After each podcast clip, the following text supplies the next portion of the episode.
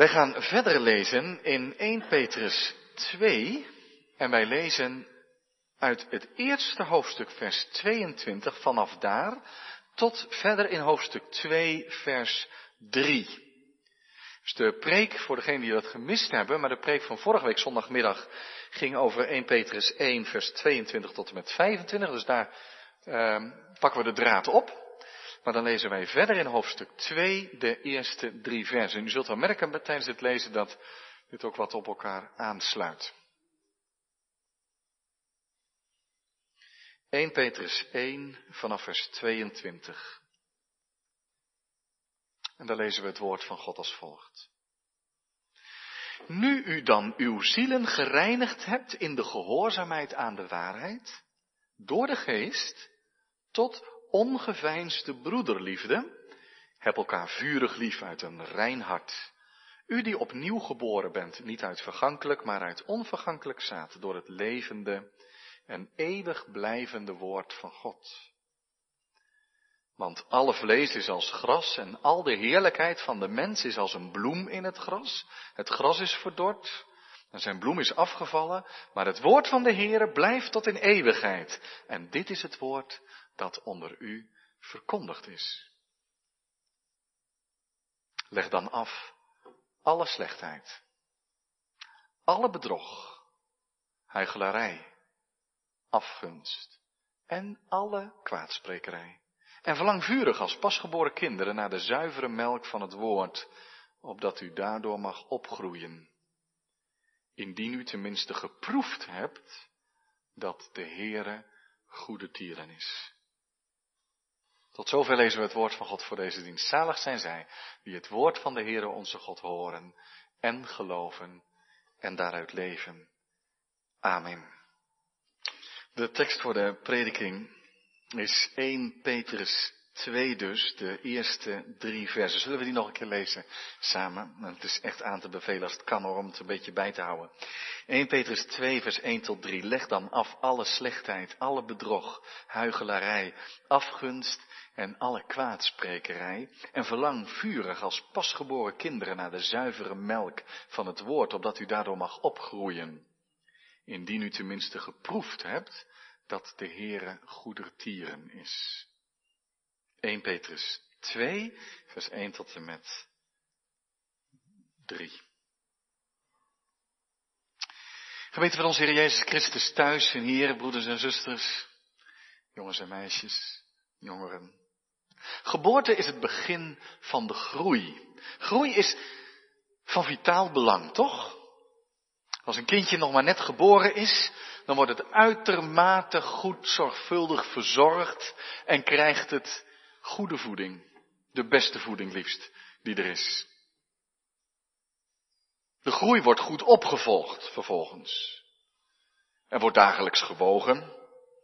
Belangrijk om binnen zoveel tijd weer op het geboortegewicht te zijn en dan doorgroeien. Wat is goede voeding daarbij belangrijk? Moedermelk of volwaardige alternatieven? En als er op een zeker moment sprake is van groeiachterstand, dan zullen we direct op zoek gaan naar oplossingen. Is er in de voeding iets niet goed? Zijn er andere dingen die zorg nodig hebben? Want goede groei is heel belangrijk.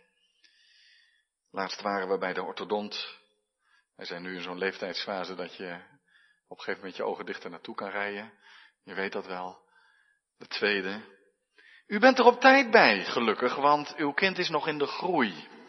Dus we kunnen gemakkelijk corrigeren. Nou, het is natuurlijk fijn om te weten. Maar, maar zo gaat dat. Scheefgroei moet je bijwezen. En dan moet je zorgen dat het goed komt. Hoe later, hoe lastiger. Je moet er maar snel bij zijn corrigeren. Want een goede verhouding, goede groei, heel belangrijk. Nu, heeft onze geestelijke groei diezelfde zorg en aandacht? Dat is zomaar even een vraag nu aan het begin van deze preek. Er is eigenlijk geen instantie, zoals die er natuurlijk bij de gewone groei wel zijn. Dat je af en toe ergens naartoe gaat, praat over de ontwikkelingen, opvolgt, past het allemaal binnen de schema's, zijn de curves allemaal goed. Hoe is dat bij onze geestelijke groei? Is er een instantie die aan de bel trekt als het met de groei niet goed gaat? Nou, ergens is die er wel. Je zou kunnen zeggen als je broeders, misschien ook zusters uit de gemeente of ambtsdragers op bezoek komen om een goed gesprek te hebben over geestelijk leven, dan is dat een soort, uh, ja, groeiinstantie zou je kunnen zeggen. Hoe is het met de groei, met het toegroeien naar de Heer Jezus? En eigenlijk is uw bezoek aan de eredienst ook zoiets. En zelf met de Bijbel bezig zijn. Of uh, in Gods koninkrijk bezig zijn. Ook iets waarin we voortdurend ook wel een spiegel voorgehouden van hoe is het met dat verlangen naar dat Christus gestalte krijgt in ons leven. Is dat verlangen er? Hoe zit het met de groei? Blijkt die groei ook? En ik heb het niet alleen over groei in kennis, hè? Kan heel belangrijk zijn. Met het woord bezig zijn. Maar die groei, dat zullen we straks wel zien, raakt ook direct ons gewone christelijke leven. Is er groei, verlangen om dicht bij de Here te leven? Is er sprake van geestelijke gezondheid? Is er sprake van geestelijke volwassenheid? Of zou het kunnen zijn dat er in ons leven op een zeker moment ook scheefgroei plaats kan hebben? Een focus op misschien één onderwerp, terwijl meer onderwerpen van groot belang zijn? Of een groeiachterstand? Of stilstand? Of geestelijke verwijdering? Achteruitgang? Een leven steeds verder bij de Heer vandaan? Misschien geestelijke ondervoeding? Met als gevolg geestelijke lusteloosheid? Het zijn een paar vragen die vanuit deze verse op ons afkomen en waar we bij stilstaan onder dat thema en nu groeien. Dat is een beetje een vervolg op vorige week vanzelf en waar stond opnieuw geboren. Opnieuw geboren en nu groeien, zegt apostel Petrus. Nu groeien. Geboorte is immers het begin van de groei. In die preek de vorige week, vers 22 tot 25 ging het, kijk maar naar vers, 2, vers 23, om die nieuwe geboorte. Daar was het in hoofdstuk 1, vers 3 ook al over gegaan. U bent opnieuw geboren. Maar dan, eigenlijk zou je kunnen zeggen, we hebben vorige week bij stilgestaan, opnieuw verwekt zelfs, omdat het zaad van, de, van het woord van God u tot een nieuw mens maakte, tot leven wekte. Want zo was de ervaring van de apostelen en van veel christenen, dat als het woord gepredikt werd, dat het dan niet een kwestie was zoals dat vaak met teksten en met toespraken gaat, dat je het er mee eens bent of er niet mee eens, dat je het prachtig vindt of minder mooi vindt, maar dat het woord dat had een kracht in zich, een energie in zich, dat ervoor zorgde dat sommige mensen er falikant op tegen waren, dat ze zich echt daarvan afkeerden en het verwierpen. Maar anderen, daar leek dat woord wel, wel de, de kracht van dynamiet te hebben. Het was een kracht van God tot behoud. Als dat woord binnenkwam en mensen geloofden het, dan bleek dat woord kracht te hebben, waardoor ze echt tot nieuw leven kwamen. Zo nieuw dat de apostel zegt, dat is eigenlijk een nieuwe geboorte. Je wordt er een nieuw mens van. Het leidt tot vernieuwing van je leven. Het bracht mensen tot geloof en tot bekering. Nou, opnieuw geboren noemt de apostel dat in vers 23. En dan begint het. Je zou zelfs kunnen zeggen, dan begint het pas. Dan begint de groei. En dat zegt ons allereerst al dat het dus niet in ons leven en in de brieven van de apostelen bijvoorbeeld alleen maar gaat over de vraag, ben je tot geloof gekomen of nog niet? Ben je gered door, door het geloof in de Heer Jezus Christus of niet? Het is natuurlijk een ongelooflijk belangrijk onderscheid. Ken je de Heer Jezus? Heb je Hem als je verlosser aangenomen? Maar dat is niet de hele christelijke boodschap, want je zou kunnen zeggen, en dan begint het pas dan komt er ruimte voor groei. Dan krijgt dat gestalte in je leven. Er is in het onderwijs van de apostelen veel aandacht voor geestelijke groei. Groei in liefde. Groei in toewijding. Groei in het christelijke leven, dat wil zeggen dat je meer en meer leert aanvoelen hoe het evangelie van Christus handen en voeten krijgt, gewoon in je dagelijkse werk. Misschien is dat wel uiteindelijk het belangrijkste? Zie je hoe, wat, het is om christen te zijn in je dagelijkse werk? Hoe het evangelie doorwerkt in heel je leven? Dat is toegroeien naar Christus. En dat is ook groeien naar geestelijke volwassenheid, zodat je leert in goede dagen en minder goede dagen met de Here er doorheen te gaan.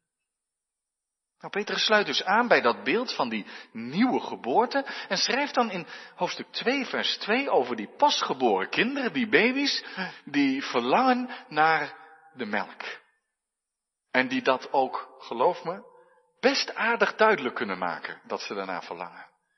En dat ze aan niks anders kunnen denken dan dat. Nou, zegt de apostel, verlang zo vurig, net als die baby's naar de melk, verlang zo vurig naar die geestelijke groei. Om echt op te groeien als mensen die met de Here wandelen. Wat houdt het in om te groeien? Nu, het eerste vers van hoofdstuk 2 zegt, dit hoort daarbij. Leg dan af alle slechtheid, bedrog, huichelarij, afgunst en alle kwaadsprekerij. En dat vers, dat staat eigenlijk, het is de negatieve kant van wat je in hoofdstuk 1 vers 22 ziet. Dat ook gevolg was van die nieuwe geboorte. Namelijk dat je een nieuw mens bent, je bent tot gehoorzaamheid van de waarheid gekomen, tot ongeveinsde broederliefde. Dat is het wel summum van christelijk leven, dat je elkaar hartelijk vanuit een rein hart met zuivere bedoelingen lief hebt en dient. Dat is christelijk leven. Daaruit blijkt dat je het evangelie van de Heer Jezus begrepen en omarmd hebt. Broederliefde, liefde tot elkaar en natuurlijk ook tot andere mensen. En hoofdstuk 2 vers 1, die laat de andere kant zien. Die laat eigenlijk, die noemt dingen die daarmee in strijd zijn, die die broederliefde afbreken die de liefde wegnemen. Het is niet zo dat de christenen aan wie Petrus schrijft dit voortdurend vergaten. Dat denk ik niet. Maar ik denk dat Petrus nog eens heel graag glashelder op een rij zet. Weet je nog, dat is het oude leven en dat is het nieuwe leven. En net zoals bij, bij groei, bij de opvoeding is het zo dat bij het ouder worden, en je kinderen steeds duidelijker leert van wat niet goed is. Dat is echt niet goed voor je. En dat andere moet je juist wel doen. Dat is wel echt goed voor je. Zo zegt Petrus eigenlijk ook waar het om gaat. Is die, die, die niet schijnheilige, die echte broederliefde. En, en let erop dat er heel wat dingen in het leven zijn die daarmee strijden. En pas daarvoor op, dat moet je totaal afleggen. En dat zijn eigenlijk helemaal geen moeilijke teksten. Dat is zo eenvoudig. Je leest het en je begrijpt het. Maar het toepassen in je leven, dat is nog wat moeilijker.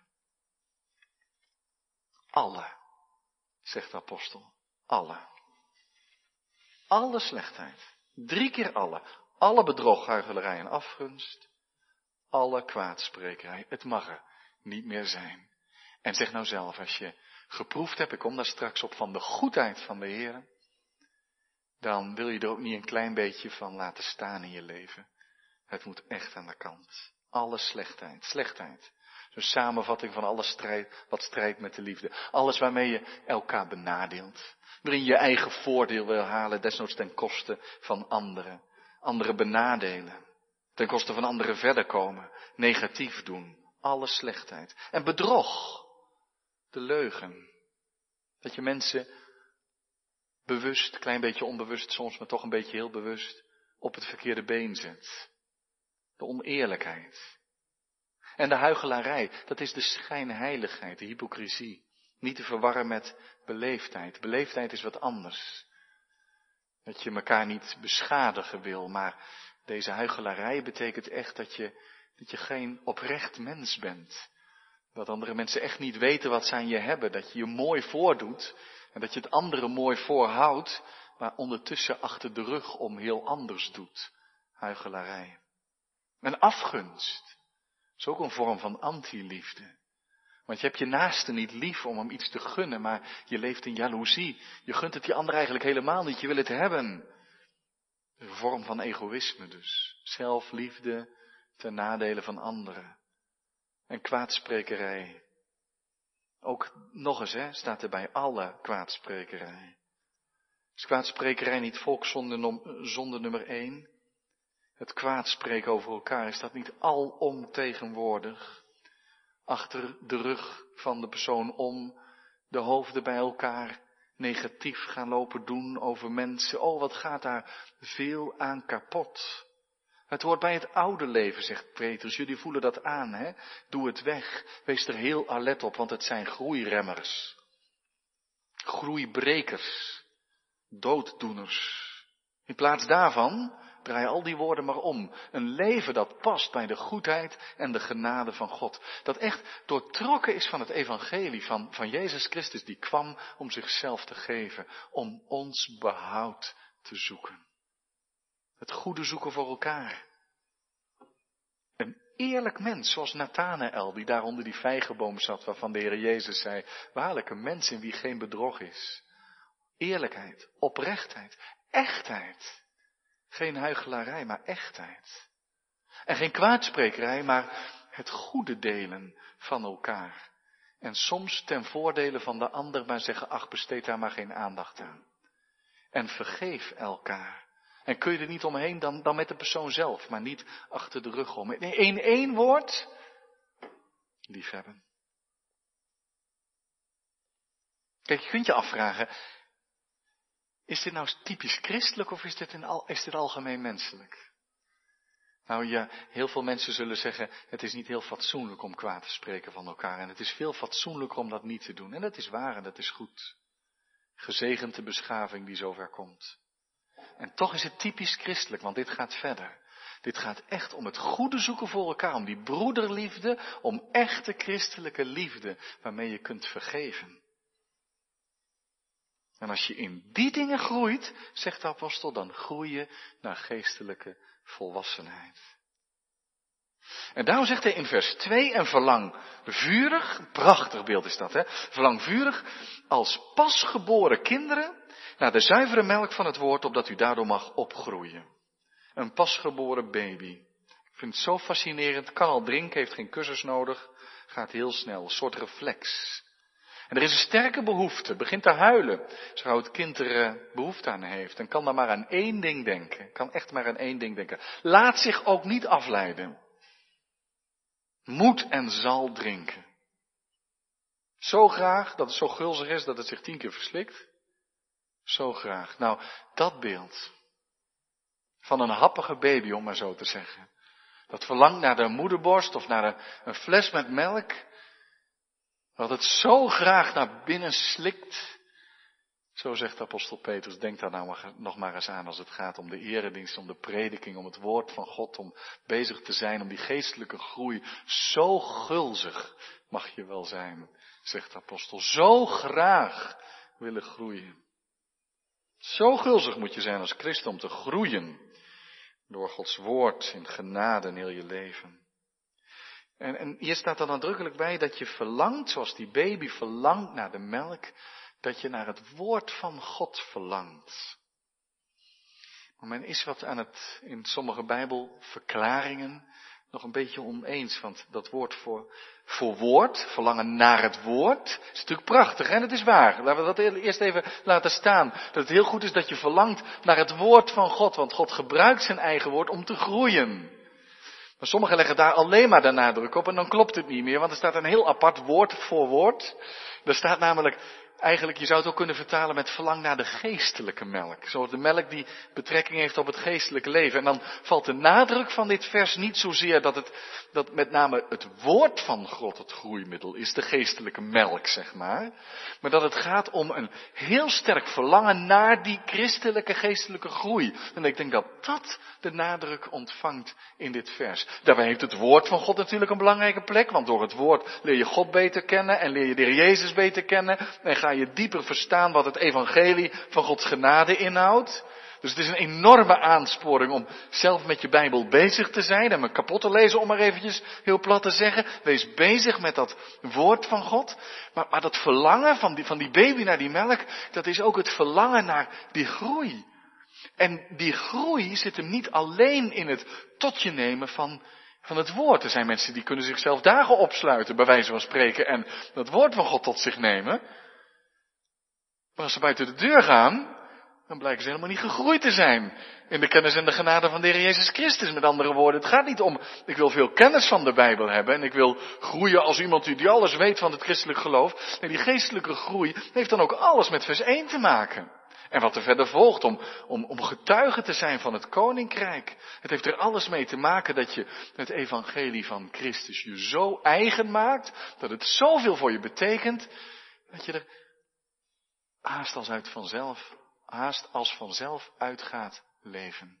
In contacten met collega's, de manier waarop je je werk invult, in relaties, richting de kerk, richting de maatschappij, overal. Omdat het evangelie je gevormd heeft.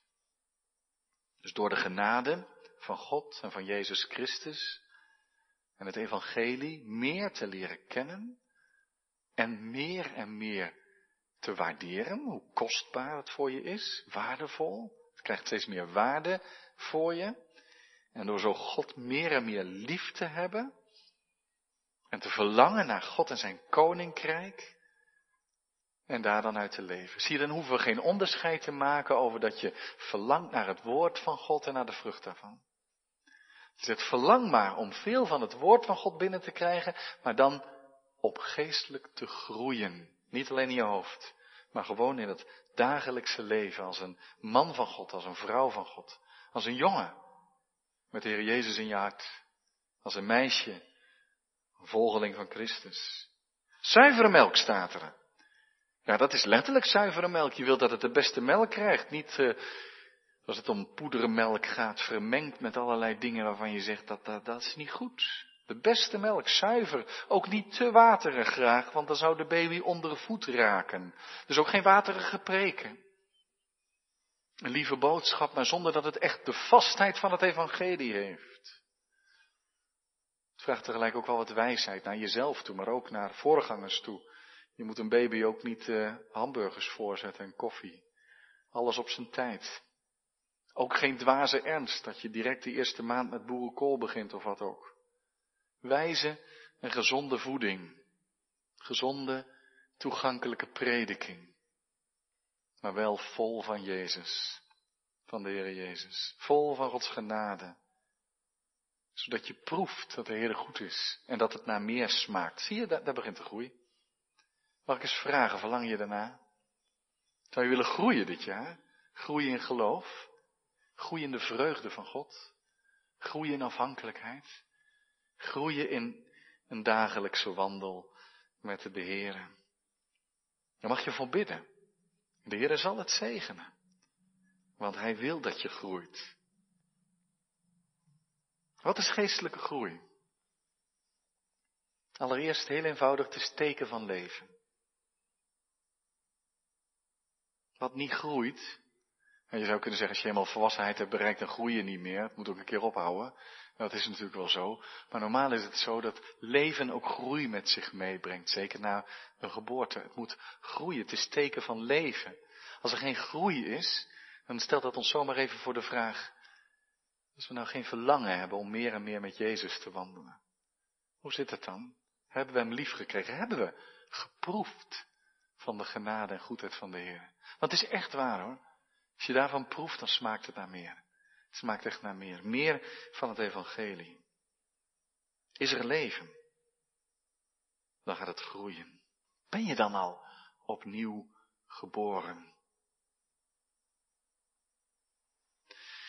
En het is via het beeld van het kind dat hapt naar de melk, dat Petrus dan denkt aan Psalm 34. Psalm 34, vers 8 denkt hij aan. U mag dat wel eens een keer opzoeken. Het is blijkbaar, ik weet niet, als ik zeg Psalm 34, weet u dan direct welke psalm het is? Nou, dat zou u wel hebben geweten waarschijnlijk als ik Psalm 23 of zo genoemd had. Maar 34 is net iets minder bekend. Maar blijkbaar kenden de gelovigen aan wie Petrus schrijft deze psalm erg goed. Want zelfs in hoofdstuk 3, vers 10 tot en met 12, haalt hij ook nog een heel stuk aan uit diezelfde psalm, psalm 34. Dus het is blijkbaar een bekende psalm bij de mensen aan wie Petrus schrijft. En in die psalm staat, uh, proef en zie dat de Heer goed is. Sommigen vertalen met proef en geniet. Wat dan? De goedheid van de Heer. De goede tierenheid. Dat is zeg maar die goedheid van God die maar aanhoudt en voortduurt.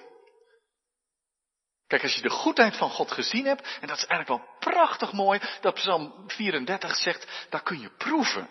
Dat is niet een kwestie van, en dat, dat zou een gevaar zijn dat je in de kerk alleen maar hebt over kennis. Kennis, je moet leren. Nee, het gaat ook om proeven. De Heer laat het wel heel bijzonder proeven in het avondmaal in brood en wijn. Maar het is een term die ook zegt, het gaat ook niet buiten onze ervaring om, het gaat niet buiten je indruk om, dat je dat je het ontzagwekkend vindt. Dat je vol verwondering bent en zegt, wauw, wat is de Heer goed. Dan proef je ervan, van die goedheid van God. Dan zie je dat leven van de Heer Jezus en wat Hij zegt en wat Hij doet. En het onderwijs wat Hij geeft, maar vooral hoe Hij leeft. Tot op het kruis van Golgotha aan toe. En dan raak je zo van onder de indruk dat je iets proeft van die trouw van God. En dat je zegt, kijk, en dat, daar moet ik het van hebben. Dat is nou het belangrijkste in mijn leven. Want als ik naar mijn leven kijk, en ook die groei hoor, dat is niet iets om op te bouwen.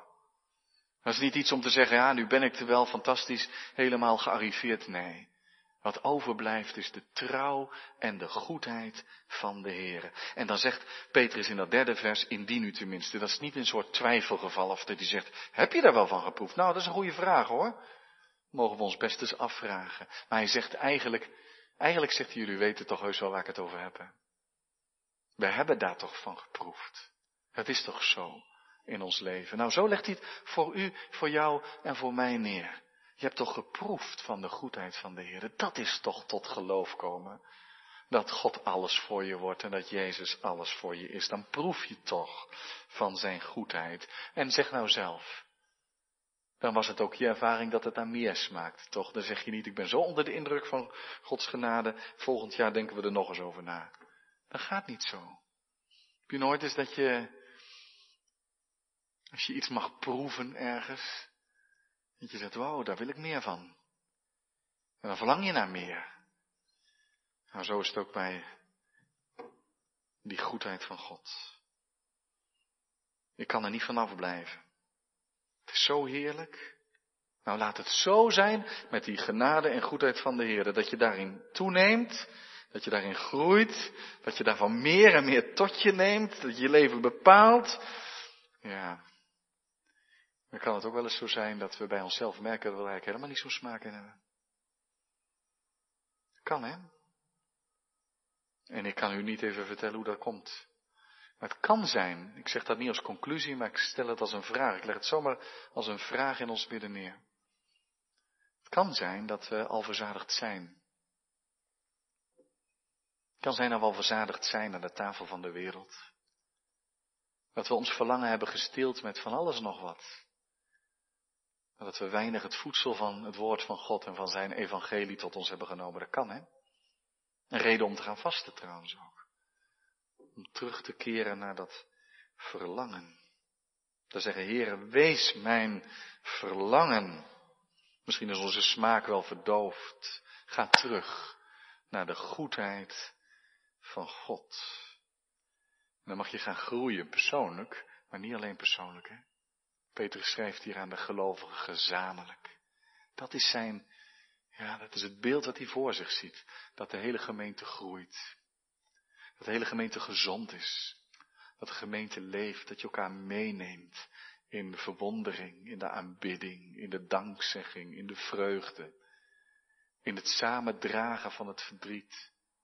Dat je samen gestalte geeft in onderlinge zorg en liefde.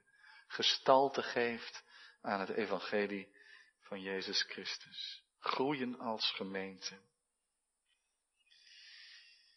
Nu, nu hebben we best zorgen in de gemeente. Overlijden, verschillen in het ziekenhuis, ernstige behandelingen. Nu zou je kunnen zeggen, ja maar die goedheid dan, wat proef je daar dan van? Blijft daar nog wel iets van over als het leven tegenzit? Ik hoop het toch. Ik hoop het toch. Het kan. Waarom? Omdat zelfs in de grootste zorgen en de moeite, en ik wil het niet makkelijk zeggen, ik kan het makkelijk zeggen in goede gezondheid, vanaf een veilige kansel. Maar als ons leven door een dal van schaduw van de dood gaat, dat we ook dan mogen zeggen, ik zal geen kwaad vrezen, want u bent met mij. Uw stok en uw staf, die vertroosten mij. Je in het ziekenhuis en je weet mijn leven gaat naar een eindpunt toe of thuis. Kun je dan nog proeven van de goedheid van de Heer nou? We hebben zorg in de gemeente, maar we hebben ook mensen in de gemeente die heel goed weten hoe dat zit.